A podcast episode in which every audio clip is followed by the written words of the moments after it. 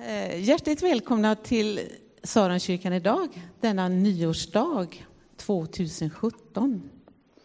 Anette Johansson heter jag och en medlem här i församlingen. Och idag var det ju egentligen så att Jonas Pramvall skulle, Pramvall skulle predika en av våra pastorer, men han är sjuk. Så gudstjänsten kommer att se annorlunda ut. Det kommer att vara en gudstjänst av delanden av Agneta Smittberg, Emil Mattsson och mig själv. Dagens tema enligt kyrkåret är i Jesu namn, så låt oss börja så. Jag läser från psalm 121. Jag ser upp emot bergen, varifrån skall jag få hjälp? Hjälpen kommer från Herren som har gjort himmel och jord. Inte låter han din fot slinta, han vakar ständigt över dina steg. Han sover aldrig, han vakar ständigt, han som beskyddar Israel. Herren bevarar dig och i hans skugga får du vandra. Han går vid din sida. Solen skall inte skada dig om dagen och inte månen om natten. Herren bevarar dig från allt ont, från allt som hotar ditt liv. Herren skall bevara dig i livets alla skiften, nu och för evigt. Låt oss be tillsammans. Herre, tack att vi får börja det här året i, i ditt namn, i Jesu namn. Vetskapen om att du har varit med oss i året som har gått. Och tack Gud att du är med oss i det år som ligger nu framför oss. Herre, jag ber för var och en som är här. Jag ber om din välsignelse över var och en. Och jag ber om att den här gudstjänsten ska få bli ett tilltal från dig. Herre, du ser de förberedelserna som är gjorda för den här gudstjänsten och jag tackar dig Gud att du lägger dina välsignelser till det. I Jesu namn. Amen.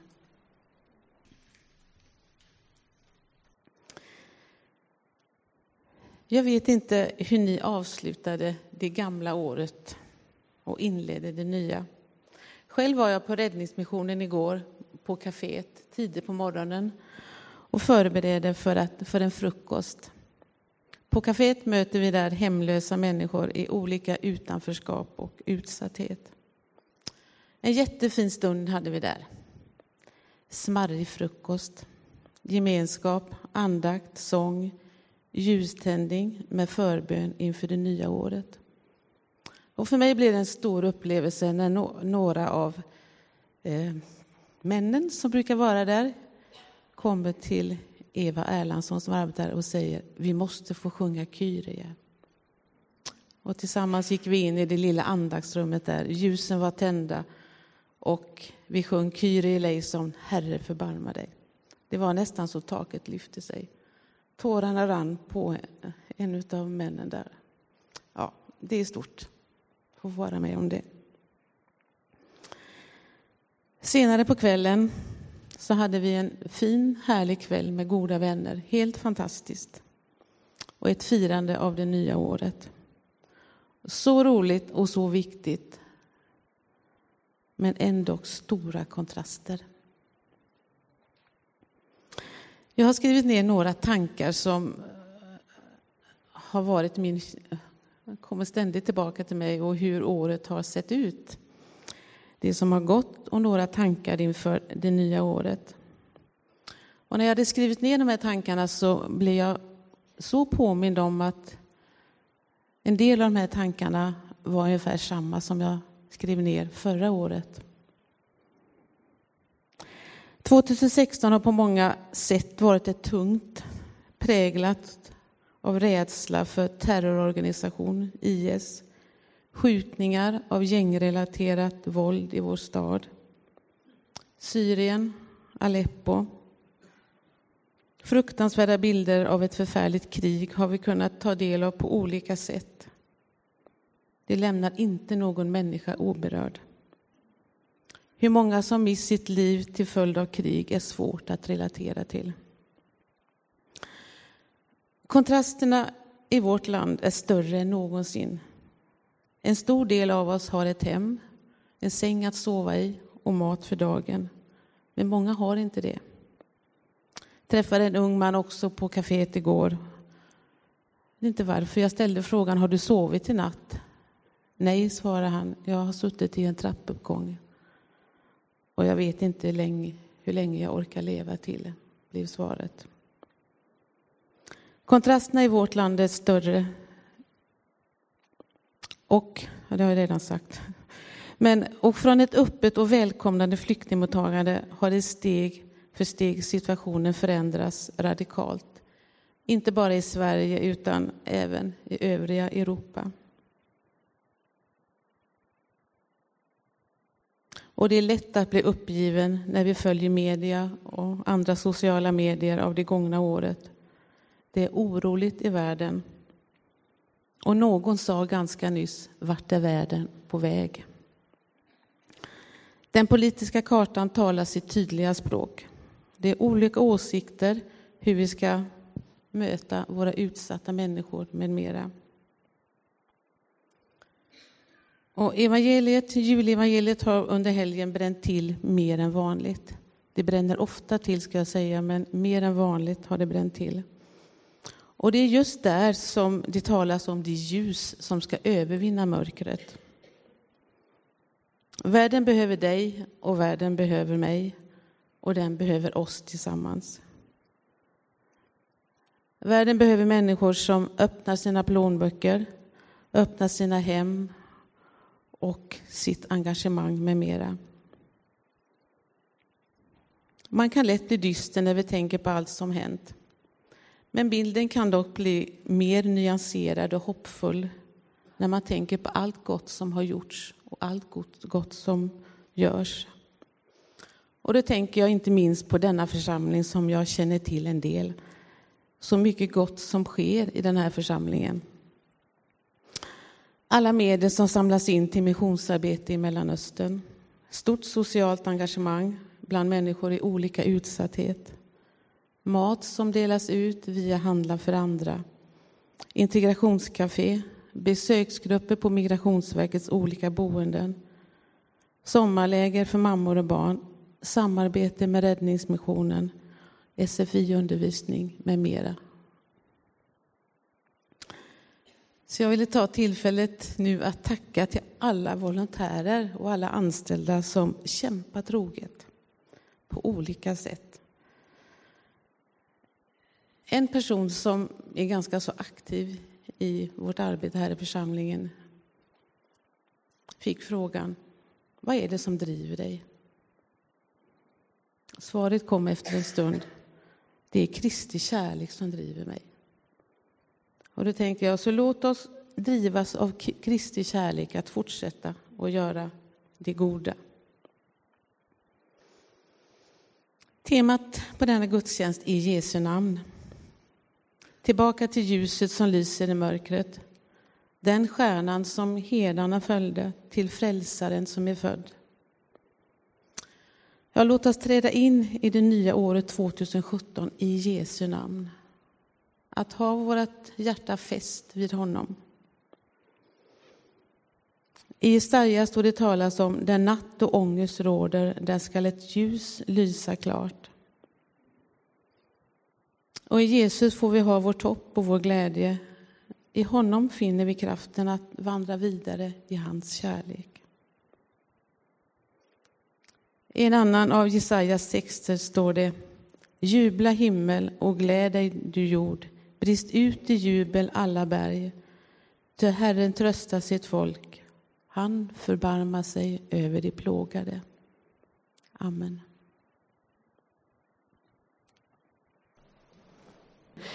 Eh, dagens evangelietext är hämtad ifrån Johannes kapitel 2, vers 23 till 25 och vi står upp under läsningen. Medan han var i Jerusalem under påskhögtiden kom många till tro på hans namn när de såg det tecken han gjorde. Men själv anförtroddes Jesus inte åt dem eftersom han kände dem alla och inte behövde höra någon vittna om människan. Han visste av sig själv vad som fanns i människan. Så lyder det heliga evangeliet. Var det du, Kristus. Varsågoda, sitt. När min guddotter Hanna var sex år så var vi i Slottsskogen och tittade på djuren. Och när vi kom hem och satt på altanen och skulle dricka saft så säger plötsligt Hanna Agneta, vad heter Gud? Och det kom lite plötsligt, så jag sa han heter bara Gud. Och så fortsatte vi dricka saft, men sen kom frågan tillbaka. Vad heter Gud? Och då kom jag liksom på det, så jag sa Jesus. Och då kom nästa fråga, efternamn? Kristus, sa jag. Gud heter Jesus Kristus. Hon frågade inte om Gud kunde göra under och tecken. Hon frågade efter hans namn. Och det andliga samtalet det tycks sluta ganska snabbt. Hon var bara sex år. Och det var självklart för henne att om Gud fanns så hade han ett namn. Och I de här tre verserna i Johannes så är det just Jesus Kristus och tron på hans namn som texten handlar om. Och det står att många judar kom till tro på hans namn. Varför? Jo, när de såg under och mirakel. Men så står det något ganska märkligt. Det står att Jesus gensvarar inte till dem, trots deras tro. Och som en förklaring står det att han visste vad som fanns i människorna. Om man tittar på en parallellvers i, i, eh, under de här verserna så står det i eh, Samuelsböckerna att en människa ser det som är för ögonen, men Gud ser till hjärtat. Och som en kommentar i min folkbibel så stod det att Jesus visste att det som drev de här judarna var egentligen en känsloladdad, instabil sensationslystnad. Och jag tänker, ja, bara Gud vet. Men för mig kommer då helt naturligt två frågor. Hur ska mitt hjärta vara för att Jesus ska vilja anförtro sig åt mig eller visa sig för mig? Och vad gör tron på hans namn för skillnad? Och när nyheterna för ett par veckor sedan visade attentatet i Berlin och man kände bara nej, nu räcker det för 2016. Då satte jag mig vid köksbordet och slog upp Bibeln. Och mina ögon föll på Johannes kapitel 8, vers 12. Där det stod att Jesus talade åter till dem och sa jag är världens ljus. Den som följer mig skall inte vandra i mörkret utan ha livets ljus. Och jag tänkte och gensvarade i bön och sa ja, Gud, jag vill följa dig tätt intill så att jag inte behöver famla i mörkret. Så att jag bättre kan orientera mig i det mörker som breder ut sig i världen. Och vem vill inte försöka förstå och tolka det som händer i USA, Ryssland, Turkiet? Men en vecka senare så förändras mitt makroperspektiv till ett mikroperspektiv. Jag har min bror på besök över julhelgen som jag beundrar för många egenskaper. Men efter några dagar så skaver något inombords. Och jag märker hur irritation och otålighet liksom börjar krypa inom mig. Och man säger att syskonrelationen är den längsta relationen som vi har i vårt liv. Om inte något oförutsett inträffar. Och kanske är det just därför som jag har sett och lärt känna ganska invanda beteenden och rätt förutsägbara. Och som jag märker, det liksom retar mig på och som kommer fram i mitt liv i otåliga kommentarer bland annat. Det är ju liksom hans problem. Det är han som behöver ändra sig. Men när han har åkt redan samma kväll så är det som om världens ljus faller på mitt eget hjärta. Mina tankar och känslor. Och jag kan inte värja mig mot det ljus som vill visa mig på mitt eget mörker och skuggorna i mitt liv. Jag hade ju bett att jag skulle få komma nära ljuset. Och ju starkare ljuset är, desto tydligare framträder skuggorna. För den person som har känt mig längst i livet, där kommer en del av mitt sanna jag fram.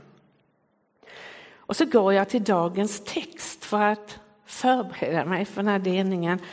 Och så läser jag att Jesus redan känner mitt hjärta. Men jag känner mig inte avvisad. Snarare är det så att jag upplever att Gud sätter ljus på det som han vill förändra och som han vill ska få växa i mitt liv. Större generositet, tålamod och kärlek. Och jag upplever att värmen från ljuset faktiskt smälter ner mina försvar och det hårda och ger ännu större längtan att förfölja Jesus, världens ljus. Fredrik Reinfeldt sa under 2016 öppna era hjärtan. Och jag tänker, det räcker inte. För jag behöver först få ta emot och få bli påfylld för att kunna vara generös. Därför, tänker jag, gör tron på hans namn skillnad. För Jesus säger i Johannes kapitel 7, vers 37 till 39. Är någon törstig så kom till mig och drick. Den som tror på mig, ur hans inre ska flyta strömmar av levande vatten. Och detta sade han om anden som det som trodde på honom skulle få. Och anden benämns på andra ställen i Bibeln som hjälparen, sanningens ande, som han också kallas.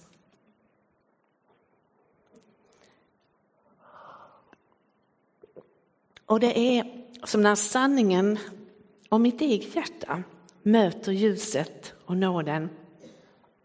Det är då förvandlingen kan ske. Från hårdhet till mjukhet, från skuld och skam till förlåtelse och frihet. Och det är då jag upptäcker att Guds hjärta är mycket större än mitt och full av barmhärtighet.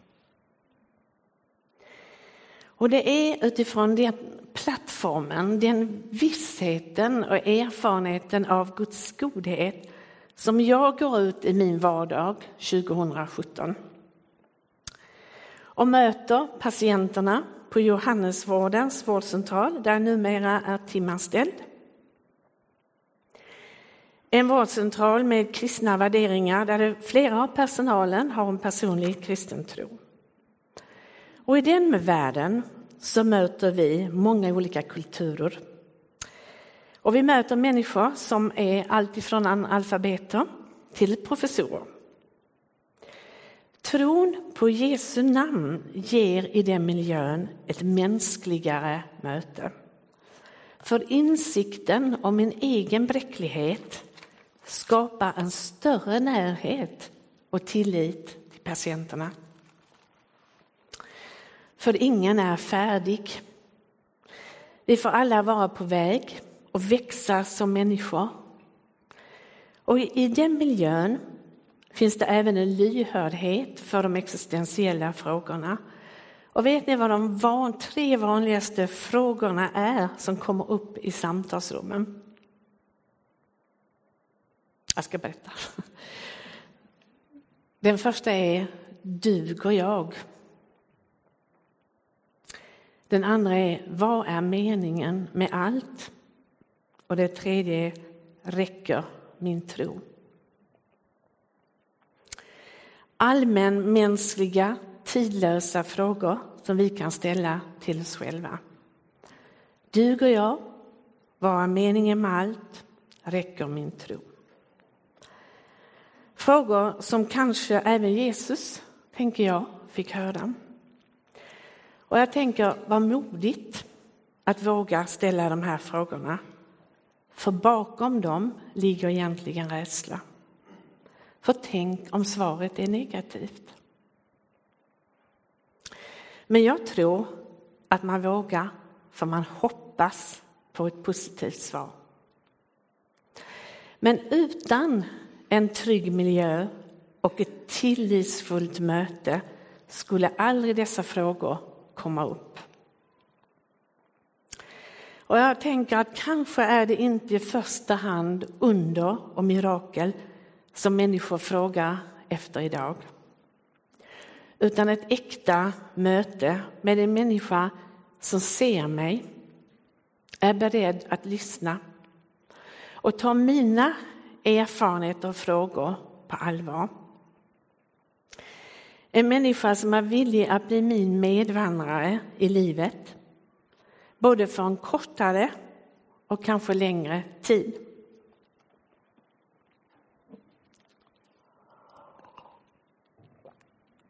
En utmaning till oss som församling 2017.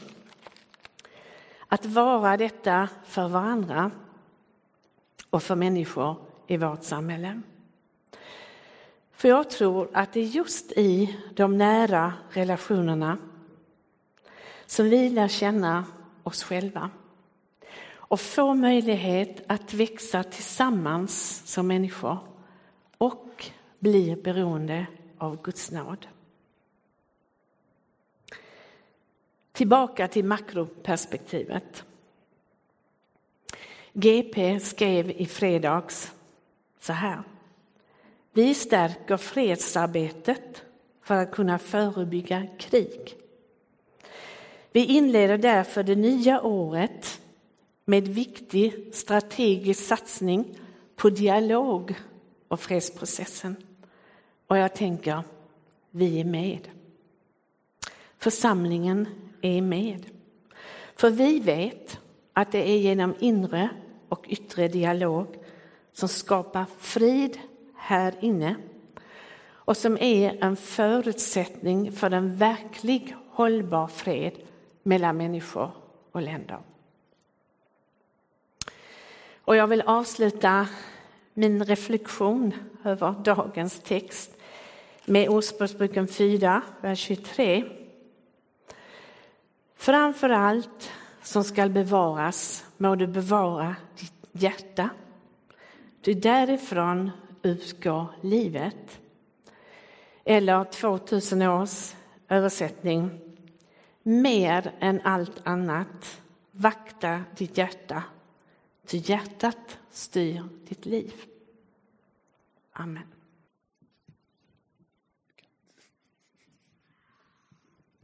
Jag ska dela några korta ord här också. Eh, jag tänkte att jag för ovanlighetens skull skulle läsa till. Jag ska läsa, eh, jag hade en krönika i tidningen Dagen i förrgår eh, och den, den uttrycker mina drömmar med kyrkan och Saron och världen 2017. Och bara som ett litet exempel på hur de här världarna sitter ihop så kan väl du Eva, kan du inte bara dela på en minut några sms som du har fått nyligen? Det var så kul att ha med er på kaféet förra året. Det är jag som, eller förra året, ja det var förra året, igår. Det är jag som är Eva Erlandsson och är diakon där numera. Avskild av den här församlingen. Fast jag är inte här så ofta för jag är i Matteuskyrkan. Men jättefint att vara här. Och vad som driver oss det är ju relationer och kärlek. Det är, det är ju tungt men det är ju fantastiskt vackert också det som händer.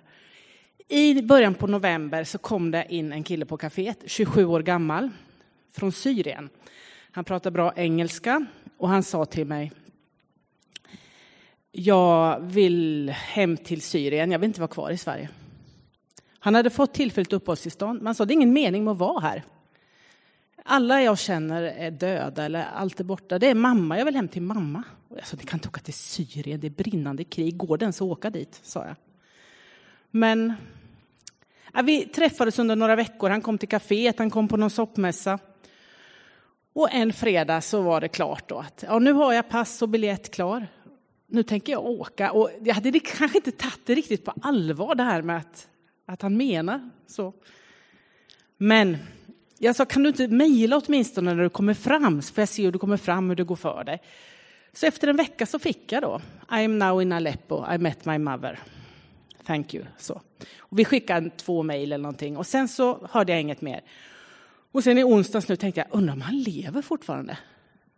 Jag menar, vad är det för nyheter vi har? Så då skrev jag igen i onsdags, Are you alive? I would like to hear from you. Man har fått någon slags hjärta. Och i fredags morse så fick jag tre små sms från honom. Bara, världen är mitt i Göteborg. Men det är... Ja, så är det. Det är samtidigt fint fast det är så tungt. Så här skriver han. Yes, I am in live about. I am not good. I'm in live, but I'm not good. I take shooting in my back, and yesterday me and friends sand pop to army Russia. I don't care for my life and thank you for ask. Och så skrev han, maybe I can see you again, maybe now I go to God. Take care for you. Alltså, det är så starkt. Det är levande människor och de är precis på vårt café.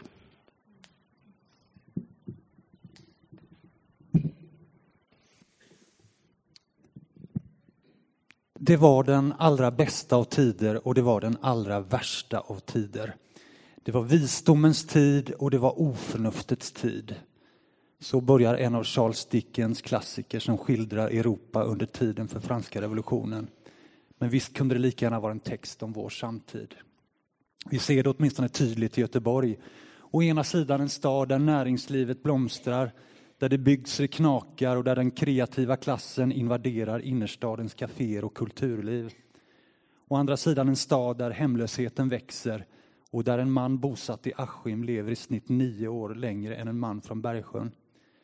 Skolsituationen är svår för många. Cirka 40 procent av eleverna som går ut årskurs 9 i socialt utsatta stadsdelar är inte behöriga att söka gymnasiet. Och så sent, för, och så sent som för en, någon månad sedan hade BBC en lång artikel om hur Göteborg är en av de städer i Europa som exporterat flest jihadister till IS. I denna stad med alla utmaningar så gör församlingar, kyrkor och kyrkliga organisationer ett enormt viktigt arbete. Hade man över en natt avslutat allt det arbete som vi tillsammans gör för utsatta människor i Göteborg hade en helt social infrastruktur raserats. Konsekvensen hade varit förödande. Varför är det då så viktigt att kyrkan finns mitt i dessa samhällsutmaningar? Och vad har vi som kyrka att erbjuda det här samhället? Ja, kanske mycket mer än vad vi ofta tänker. Några exempel. 1. Hopp om en evig framtid. Vår värld skriker efter hopp.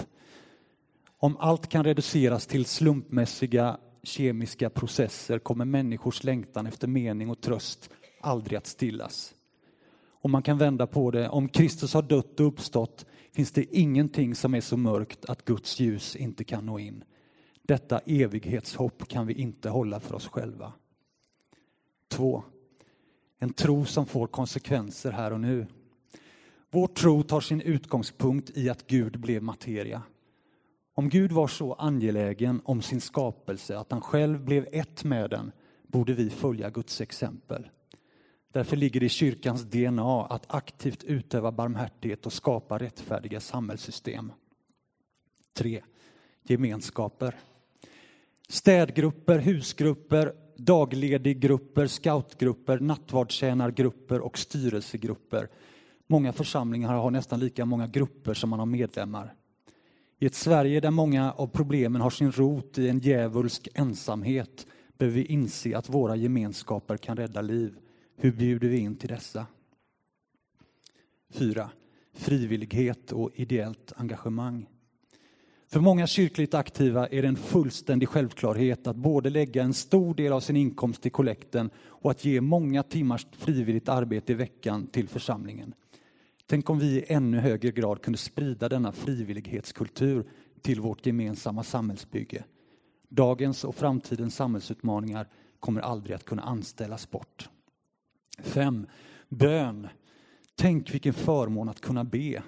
Att både be Gud om förändring och samtidigt hämta kraft för att själva bli den förändring som vi vill se. Sex. Mångfald. Vid nattvardens bord samlas varje vecka olika människor från alla samhällsskikt med olika bakgrunder och politiska preferenser. Och tack vare invandringen är många församlingar idag brokare än någonsin tidigare. Vilken tillgång i ett samhälle där polariseringen ständigt ökar. Och till sist rötter. I en tid där man kan bli amerikansk president genom att ständigt byta åsikt och där nästa svenska statsminister kan heta Jimmy Åkesson är våra rötter kanske viktigare än någonsin. Vilken stolthet att finnas i en tradition med flertusenåriga rötter där synen på människan som Guds avbild, älskad och värdefull är helt central. Denna människosyn kan vi inte hålla för oss själva. Avslutningsvis, hur ska kyrkan inför ett år med nya utmaningar i ännu högre grad kunna aktivera sina resurser för den här världens bästa? Ja, kanske handlar det om mod. Mod att se större. Om kristen tro också handlar om kroppar och materia så är vård, skola och omsorg typiska områden där kyrkan ska verka. Vår tro grundar sig i värderingar som det omgivande samhället många gånger längtar efter men har svårt att skapa på egen hand. Vågar vi tro att kyrkan behövs för att skapa ett mer fungerande välfärdssamhälle? Mod att ta risker. Om det diakonala och sociala arbetet ska växa behöver vi en kyrka som vågar drömma stora drömmar och vågar agera. Därför måste vi mobilisera riskbenägna entreprenörer och företagare i arbetet. När de får drömma och verka tillsammans med omsorgs och diakonpersonligheter kan stora saker hända. Mod att leva i gränslandet. Vi behöver en kyrka som vågar leva i skärningspunkten mellan politiken, marknaden och den omgivande kulturen. Här behövs ledare som har både kompetens att agera pragmatiskt i samverkan och samtidigt kunna förstärka den egna identiteten och särarten.